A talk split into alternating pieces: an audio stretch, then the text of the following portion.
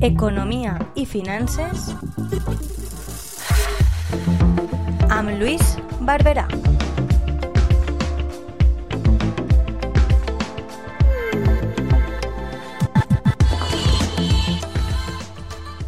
Hola de nuevo amigos y amigas de esta sección de Economía y Finanzas de la Tegua Radio.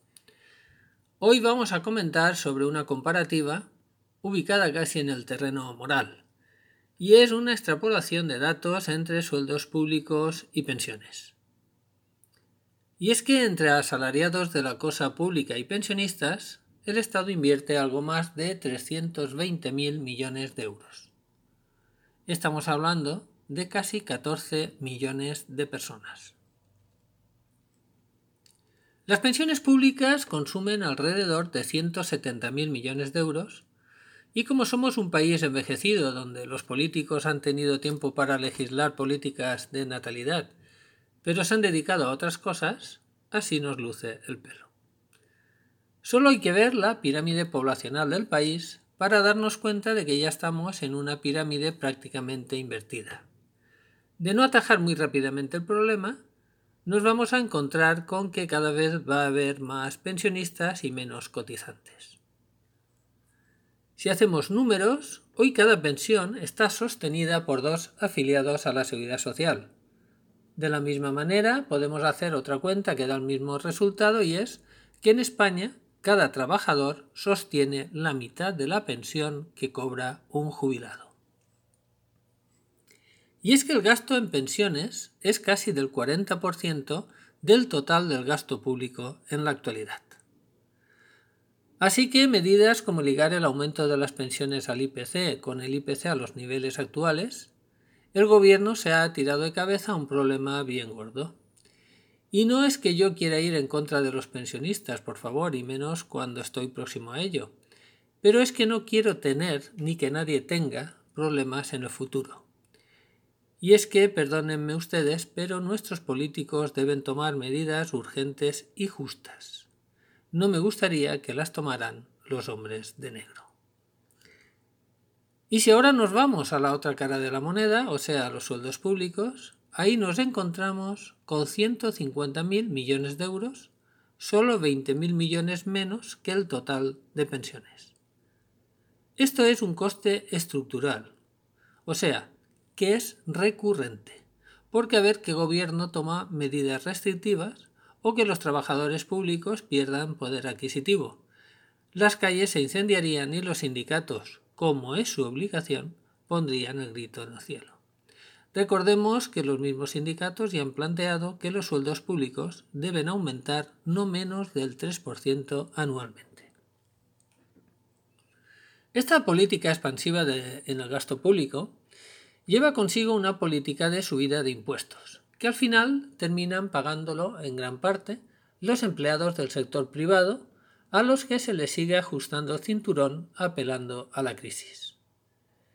Y ríanse ustedes, a las nóminas del segundo escalón más bajo de la renta, a diferencia del resto de escalones, se les ha subido el IRPF, perjudicándolos notablemente, y si no, Saquen cuenta los que estén cobrando en el entorno de los 18 o 20 mil euros anuales si en la renta de esta campaña no se les está devolviendo menos que en ejercicios anteriores e incluso les sale aún a pagar, en este caso a los que tengan más de dos pagadores. Si sigue aumentando cada vez más la diferencia entre los salarios medios de los empleados públicos y privados, por simple desarrollo de la economía, esta al final entra en barrena. Y parece que la cosa va por ahí, pues hasta días antes del estallido de la pandemia del COVID, cuando se preveía una posible bonanza económica, el mercado laboral había creado 429.000 nuevos empleos, pero ahí está el problema. De ellos, 229.000 eran trabajadores y trabajadoras que se habían incorporado a la administración pública. Y es que hablamos de 3 millones y medio de personas empleadas por el Estado, Aquí incluimos empresas públicas, Administración Central, Seguridad Social, comunidades autónomas y corporaciones locales, tanto en afiliados a la Seguridad Social como a mutualidades. En resumen, entre pensiones y sueldos del sector público, los españoles soportamos vía impuestos 320.000 millones de euros, la mitad del gasto público anual. Hablamos, como he dicho antes, de 3 millones y medio de empleados públicos y de más de 10 millones de pensionistas. Y ante las consecuencias de tomar medidas extremas, solo se me ocurre negociar un ajuste en los gastos y un plan de prejubilaciones a nivel empleados públicos similar a los efectuados últimamente por el sector privado.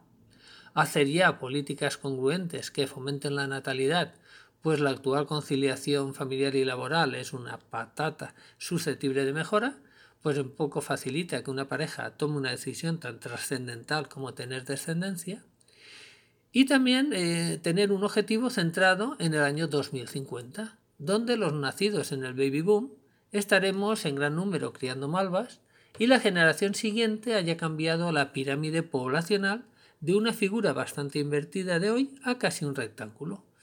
Si desde ya se aciertan las políticas de natalidad, la forma piramidal podrá empezar a tomar forma rectangular y suponga eh, haber realizado un esfuerzo presupuestario de 20 años para que se iguale. Y es que eh, hay que recordar que los nacidos en el baby boom han sido los que realmente han formado esta generación de progreso, los que han pagado rentas del trabajo y cotizaciones cada vez más elevadas, en muchos casos sin repercusión para su futura pensión al estar estas capadas, permítanme la expresión, y todo ello para que los mayores mejoraran sus pensiones y que los que nunca habían cotizado tuvieran pensiones no contributivas y también y lógicamente los que han cobrado becas y todo tipo de ayudas desde los años 90, que se han repartido a expuertas y a veces sin control por políticos en busca de votos. Una generación que nunca ha protestado por ello pensando que era su deber y ahora tiene que estar aguantando que son una carga para el Estado, sufriendo bajadas en las pensiones a que tenían derecho, obligándoles a cotizar más años y también a retirarse más tarde. Perdonadme, pero si no lo digo no me quedo a gusto, y es que lo expreso pensando también en los jóvenes, para que ellos también defiendan su futuro. Bueno, amigos y amigas, espero que os haya gustado el artículo y os emplazo para el mes próximo recordándoos que podéis ver mis artículos económicos y otras publicaciones y colaboraciones en mi blog, el visigodo de luisbarbera.blogspot.com y en Facebook e Instagram como las novelas de Luis Barberá. Un fortísimo abrazo para todos y todas.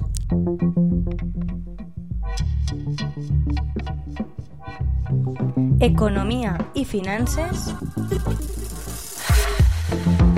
amb Luis Barberà.